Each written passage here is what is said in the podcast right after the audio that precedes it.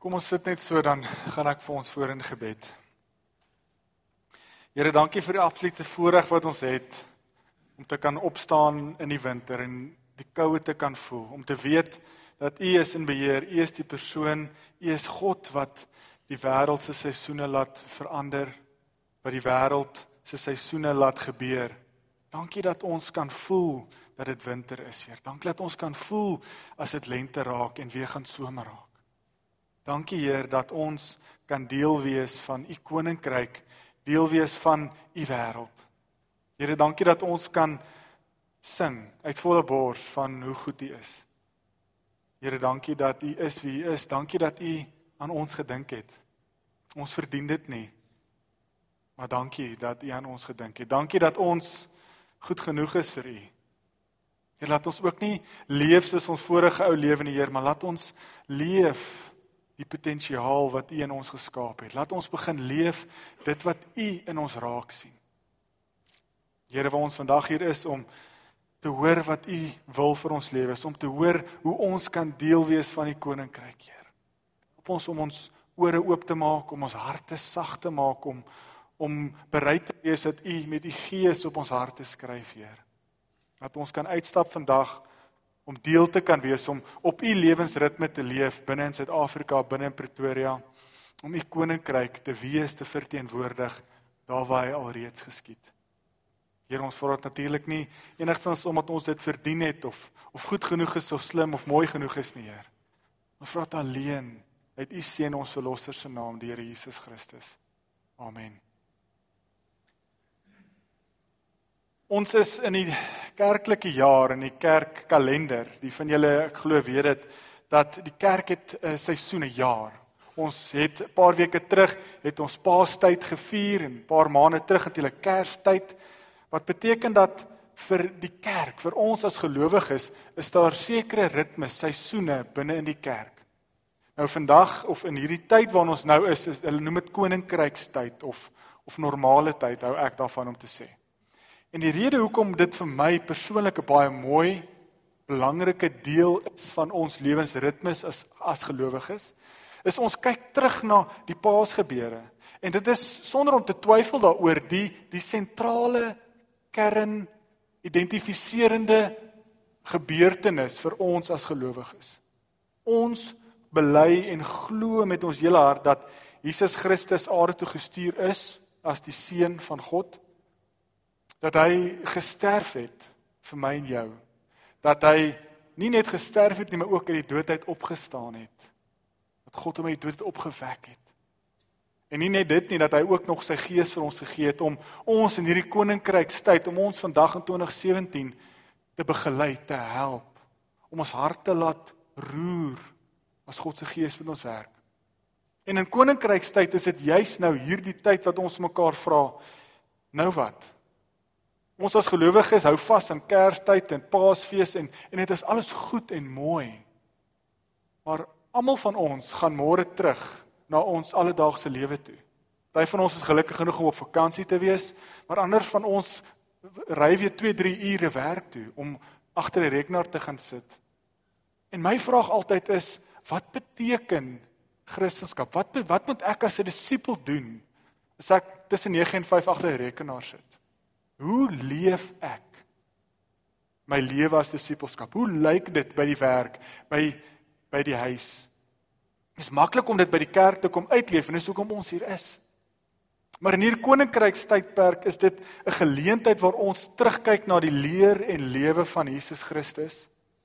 En ons self vra, wat beteken dit vir my? Nou wat? Hoe leef ek dit in my alledaagse, in my gewone tyd?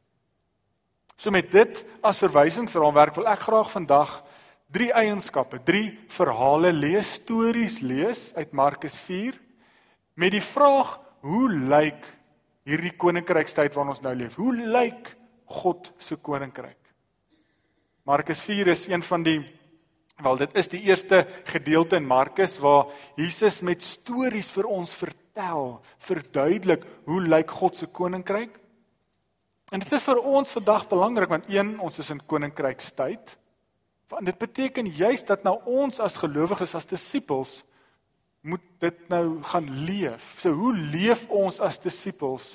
Hoe verteenwoordig ons God se koninkryk as ons verlysig se roeping gebruik as woorde? En Markus 4 verduidelik vir ons met drie kort verhale, drie vergelykenisse oor hierdie koninkryk, hoe dit kan lyk. So een net 'n woord dalk van dit hoekom dit vir ons belangrik is, is wat is die koninkryk? Jy weet dit is so 'n tipiese kerkterm, nê? Nee. Engelse man praat van ons praat van churchanese. Ons gebruik so baie kerkterme en dan maak ons almal of ons weet wat dit beteken, maar eintlik het ons nie idee nie. En ons as verlysig, ek meen ons roeping is om sy koninkryk te verteenwoordig. Maar in Markus 1 vers 14 en 15, dan lees ons uit die mond van Jesus uit hoe hy sê hy kom en bring God se koninkryk na vore. Jesus Christus kom verkondig die goeie nuus van Jesus Christus. Hy is die goeie nuus van Jesus Christus. En Jesus Christus kom stel God se koninkryk in. Jesus Christus is God se koninkryk. So in vandag se tyd of vandag eers so begin. In Matteus, ag Markus se tyd het Jesus Christus 'n nuwe verhouding kom instel tussen die mense en God. Deur die feit dat hy dat ons deur Paastyd kon gaan dat hy homself dat hy gesterf het vir ons maak dit ons nie meer soos in die Ou Testament deur diere offers, graanoffers, deur profete en priesters met God hoef te kommunikeer nie. Maar Jesus Christus het daai bekmantel kom afskeer in die tempel deur te sê, maar nou kan ons God persoonlik ken. En deur hierdie kruisgebede van Jesus Christus het God oorwin. As ons gaan Openbaring 4 en 5 lees, dan sien ons maar God sit op die troon. God het oorwin. Hy is in beheer. En ons leef binne in hierdie tyd waar God in beheer is, waar God se koninkryk 'n realisasie is. En Jesus Christus het dit kom instel vir ons. En die disippels, die apostels, ons oumas en oupas, ons vandag verkondig God se koninkryk. Ons verkondig die goeie nuus van Jesus Christus. Ons is Jesus Christus se hande en voete. En dit is daar waar mense God se liefde beleef deur ons optrede, deur ons woorde, deur ons dade. Deur 'n disipel te wees dat ons ook deel is van God se koninkryk. Maar nou moet ons een stapie terug en ons sê maar wat is hierdie koninkryk? Hoe lyk dit? En Markus 4 help ons daarmee. As ons Markus 4 lees, dalk moet ek eers by Markus 4 oopmaak. Dan lees ons reg van die begin af dat Jesus vir ons sê Markus 4 vers 1. Jesus het Markus sê vir ons vergewe my. Jesus het weer die mense langs die see begin leer. 'n Baie groot menigte het by hom aan saamgedrom sodat hy op die see in 'n skuit gaan sit het. Die hele menigte was langs die see op die strand. Hy het hulle baie deur gelykenisse geleer. So het hy onder andere gesê terwyl hy hulle leer. En ek wil net tot daar stop want die woord gelykenis is vir ons belangrik. Want as Jesus vir ons kommunikeer, verduidelik hoe lyk God se koninkryk, dan doen hy dit deur middel van gelykenisse. Want ons as Suid-Afrikaners, ons weet nie altyd wat ons dink aan okay, dit is die van ons wat al ek jammer, ek het groot geword met Age of Empires. So jy dink altyd van koninkryk, okay, so God is 'n koning en hy het iewers 'n ryk en ons mense om hom wat beklei vir sy eie wat, wat, wat vir die area waar binne hy leef of bly. En dis op 'n manier nie reg nie, want God se koninkryk word juis in kleinvoud word juis in organiese maniere uitgebeeld, geleef. So Jesus verduidelik vir die disippels en vir ons hoe lyk hierdie nuwe era, hierdie koningsheerskappy van God wat in beheer is deur iemand wat sterf word God se koninkryk 'n realiteit. Maar hy doen dit deur middel van stories, deur stories wat die mense in in eerste eeuse Palestina sou hoor en sê ons ons resoneer met hierdie storie want ons leef hierdie elke dag. Die drie gelykenisse gaan oor die persoon wat saai, die saaier wat ons almal goed ken. Oor die saad wat van self groei en die gelykenis van die mosterdsaadjie. So vertel dit vir die eerste eeuse Jood wat in Palestina bly en hy hy Hy ryk die grond as jy die storie vertel. Hy voel die saad in sy hande as jy die storie vertel, want dit was sy lewe. Dit is hoe eenvoudig God se koninkryk verkondig word sodat die mense hulle lewe Godwaarts inkeer om te sê, "Aha, 'n lig gaan aan." Dit is hoe God 'n deel is van my lewe. Dit is hoe Jesus Christus hierdie koninkryk van God kom instel. En dan lees ons Markus 4 vers 1. amper dan moet julle moet 'n rooi lig hier onder aangaan wat sê weet breaking news as ek dit so kan stel. Wat Jesus sê, luister hier.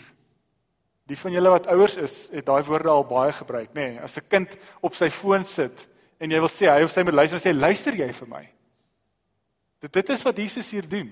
Die skare sit op die op die kant en Jesus sit op die skei en hy praat en hy wil nou hê hulle moet oplet. So hy sê luister jy vir my, sit jou foon neer, kyk vir my. Wat ek nou gaan sê is belangrik. 'n Saaier het eendag gaan saai met die saad Met die saai het 'n deel van die saad op die pad geval en die voëls het gekom en dit opgepik. 'n Ander deel daarvan het op 'n klipbank geval waar daar nie baie grond was nie. Dit het gou opgekom, maar omdat die grond nie diep was nie, maar toe die son warm word, is dit verskroei en omdat dit nie wortels geskiet het nie, het dit verdroog.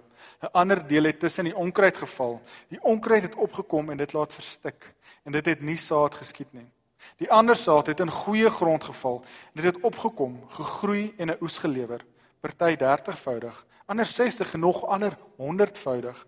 Verder het hy gesê: "Wie ore het en kan hoor, moet luister."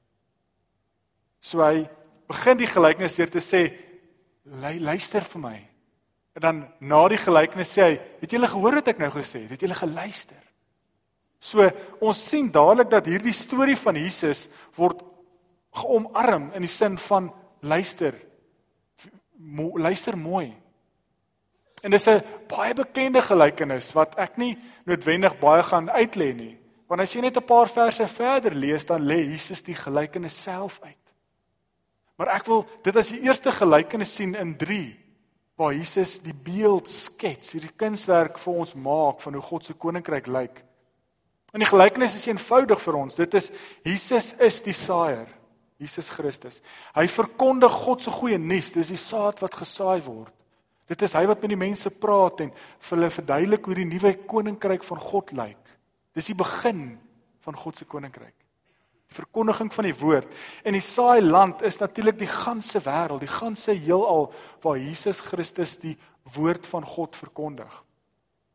Daar's 4 scenario's van hierdie saad. Een, dit val sommer net op die pad en die voëls pik dit op. Dit is letterlik mense wat heeltemal hulle harte verhard het. Die duiwel is so in beheer van hulle lewe dat hulle dit nie eers hoor nie. Tweedens, saad word gesaai en die grond is nie baie diep nie. Daar's 'n klipbank. So die woord skiet verskriklik vinnig wortel maar die wortels is baie diep nie en sodra die die druk van die lewe kom sodra die mense besef maar sjoe daai liedjie wat ons sing die Here sal my paai gelyk maak is nie noodwendig waar as ek 'n disipel is nie. Want Lukas 9 sê vir my ek moet my kruis optel en ag Jesus aanloop so 'n lewe van disipelskap 'n lewe van om in God se koninkryk te wees is een van teenstand van Mense gaan konflik met jou hê omdat jy die lig wil wees in 'n donker wêreld. En dan verskroei die plant. Hy hy skiet nie diep genoeg wortel nie. Derde saad val tussen die onkruid. En die onkruid, die sorges van die lewe, die die die grootte van die aaniteite in plaas van of die liefes vir mense, die ehm um, hoë mure wat jy om die huis bou in plaas van om meer mense om jou tafel te nooi vir ete, is belangriker as om Jesus se koninkryk te verteenwoordig. En dan laastens is dit wat op die goeie grond val. Dit die mense wat nie net hoor nie, maar ook luister. Dat die saad kan grond in die grond, goeie grond val en kan wortels skiet en kan ontkiem en kan groot opbrengs lewer, honderdvoudig. So as ons nou mooi daaroor dink, my kop is bietjie van wiskundig ingelê. So God se koninkryk die die impak van Jesus Christus se lewe dis dalk verkeerd gestel. Die impak van Jesus Christus se woordverkondiging. Hy het net 'n 25% slaagsyfer. Daar's 4 sade.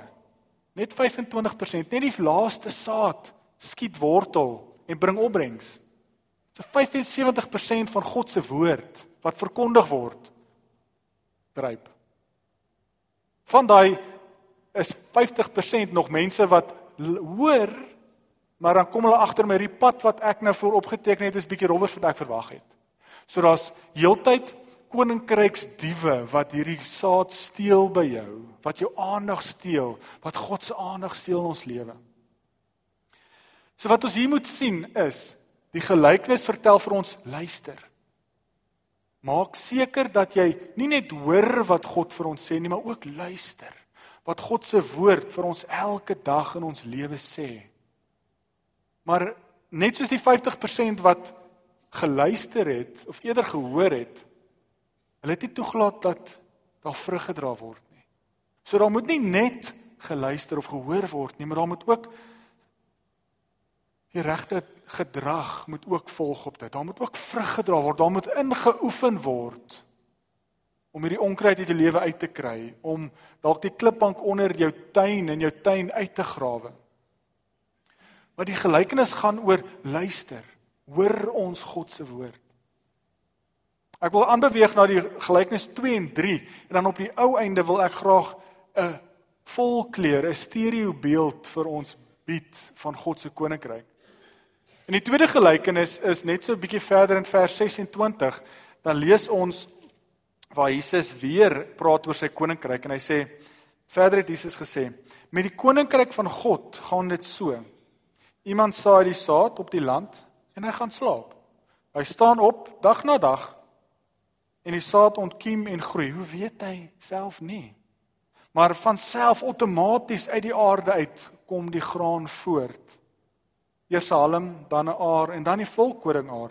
En wanneer die graan ryp is, dan eers steek hy dadelik die sekel in omdat die oestyd daar is. So dit is my mooi beeld om te dink, jy weet die saad word gesaai en daar's verskillende plekke waar dit gaan val.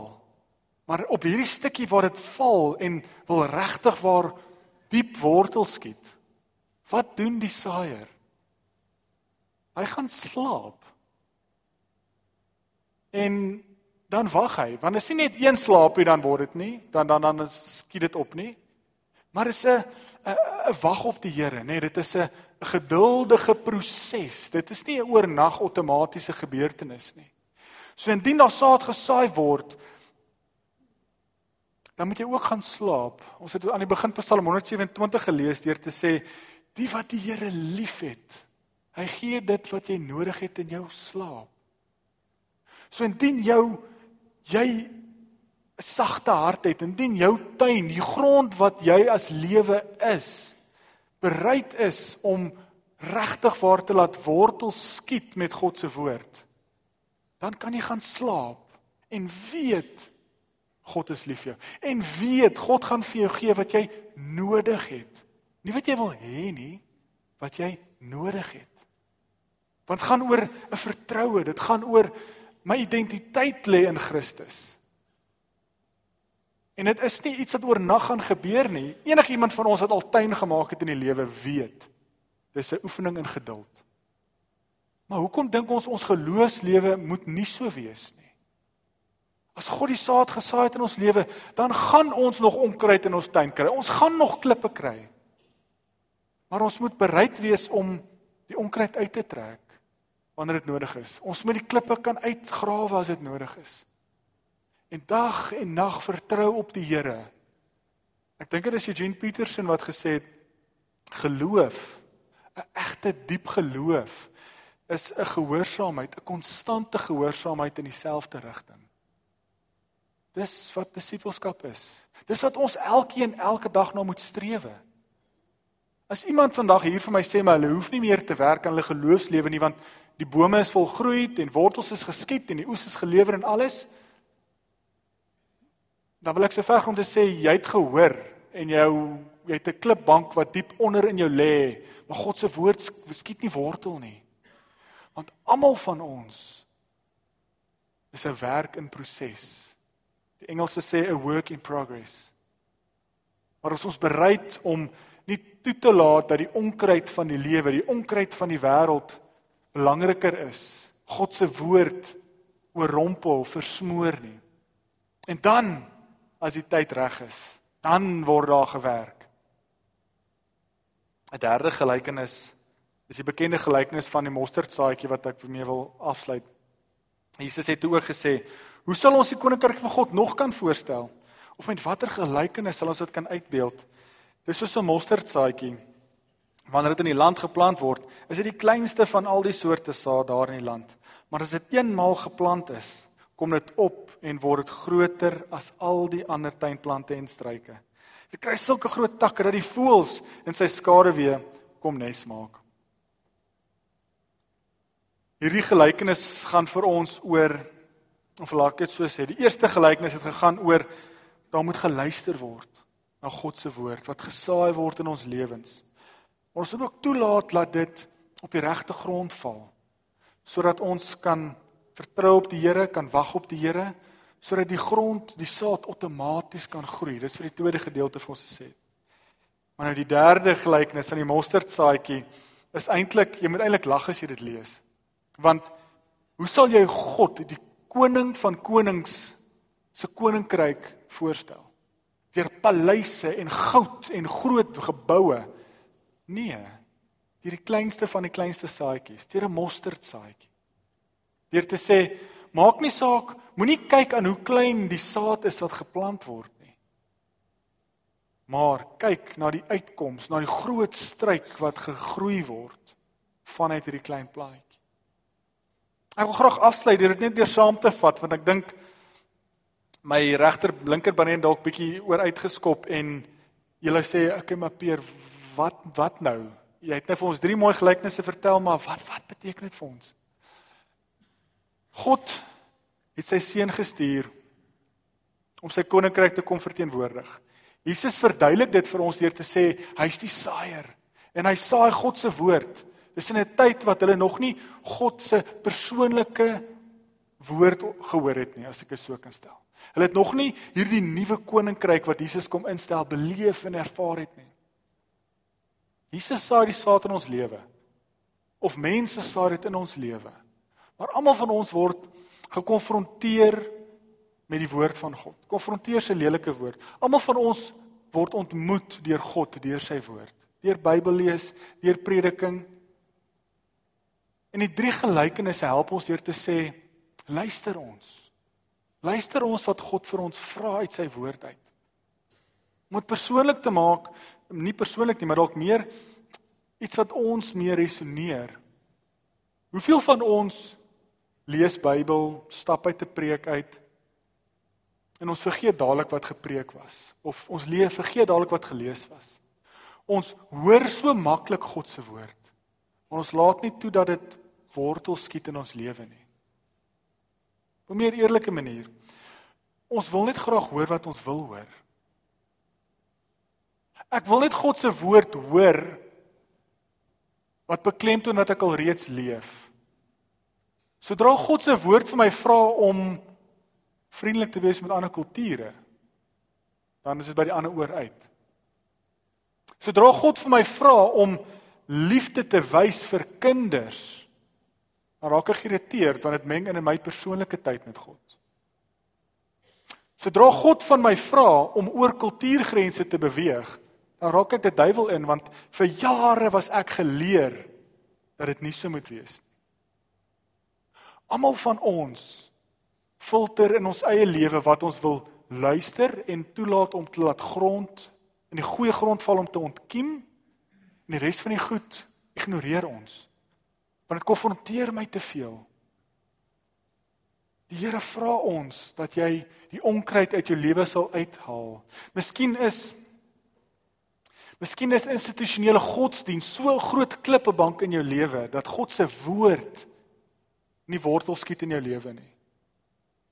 Miskien is die onbewuslike strewe na wêreldse sukses belangriker as om dit wat God vir jou gegee het te deel met jou huiswerker en jou tuinwerker en die persoon agter die kassier. So mag ons vandag hier uitstap en net bewus wees, regtig voor op ons knie neerval voor God en sê Here, maak my hart sag. Want sodra ons in 'n gemaksone kom, dan wil ons net hoor wat ons slaaf doen. Ons wil net luister na dit wat ons alreeds baie goed doen.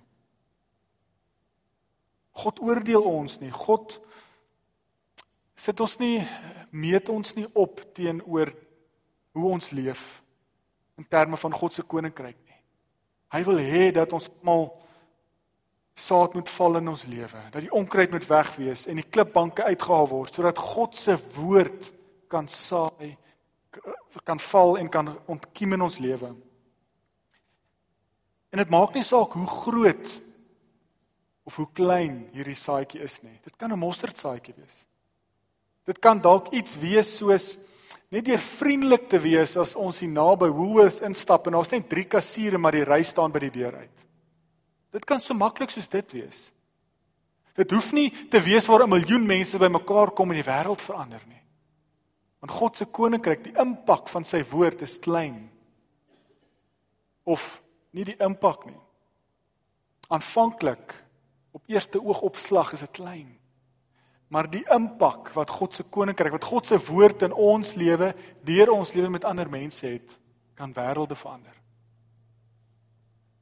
En mag ons konstant werk daaraan om die klippe uit ons lewe uit te haal, om die onkruid in ons lewe uit te haal. Ek voel ook ek wil 'n ander kant 'n laaste afsluitingkie maak. Want party van ons sit dalk hier en resoneer met wat ons hier sê en resoneer met wat God vir ons sê. Maar tog van ons self afvra maar hoe lyk dit dan nou as ek God se koninkryk moet gaan verteenwoordig?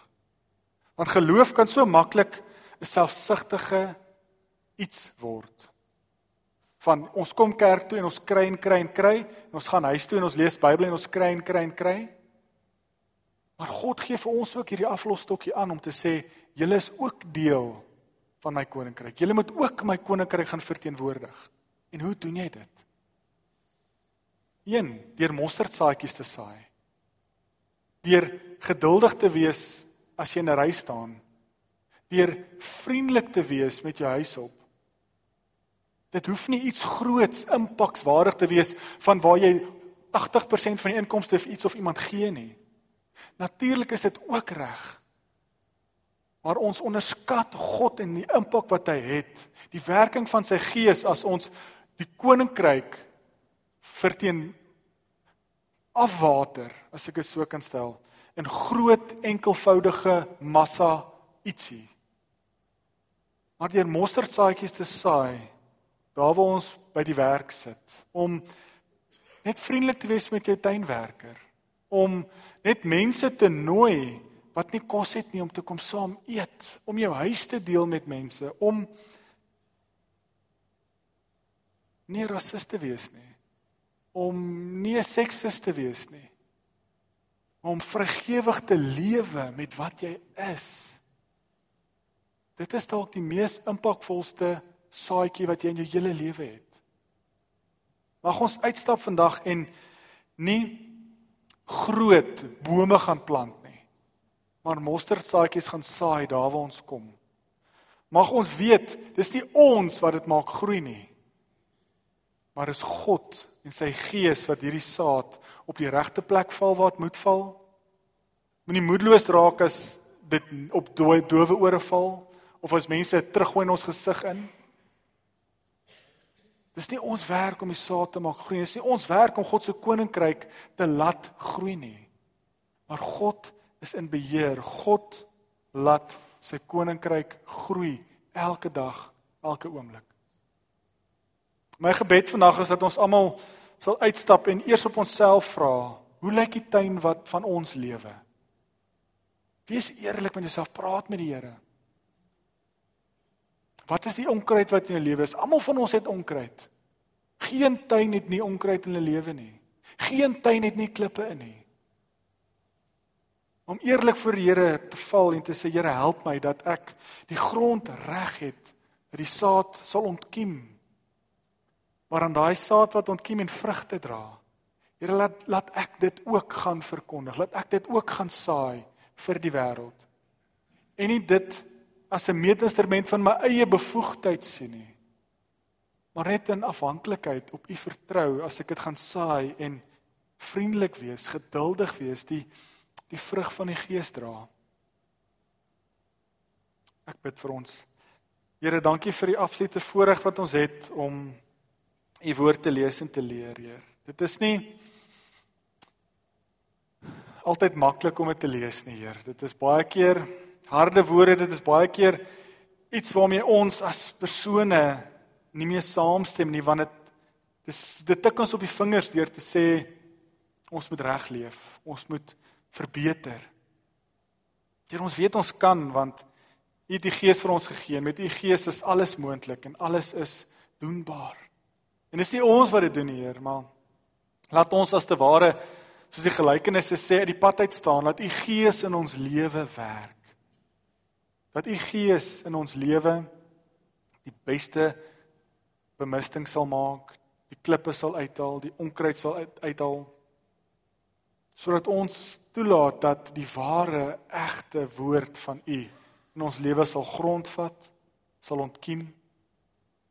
Here laat ons ook ophou 'n selfsugtige lewe leef, Here, maar laat ons ook die die vrug wat ons in ons lewe het ook sal begin deel. Net soos enige normale plant voortplant deur saad wat gesaai word. Hier laat ons ook nie daai saad vir onsself hou nie, Heer, maar laat ons ook u koninkryk uitbrei, u koninkryk verteenwoordig. Dit net 'n lewe te leef, 'n lewenstyl te leef wat ons by u kry. 'n Lewenstyl van liefde vir mekaar, liefde vir ons naaste, liefde vir almal. 'n Geduld. Here ons weet dit is als moontlik. Ons weet u het die gees vir ons gegee wat ons help om elke dag na onsself te kyk, om elke dag onsself te vra, hoe kan ons u koninkryk verteenwoordig? Here help ons om die geleenthede raak te sien, daar waar ons by die werk is, by die huis is, by die kerk sit om die geleenthede raak te sien waar u alreeds aan die werk is. Dat ons kan deel wees om u koninkryk te verteenwoordig daar waar ons is. Here ons vra dit natuurlik nie omdat ons dit verdien nie. Ons vra dit alleen uit u seun en ons verlosser se naam, die Here Jesus Christus. Amen.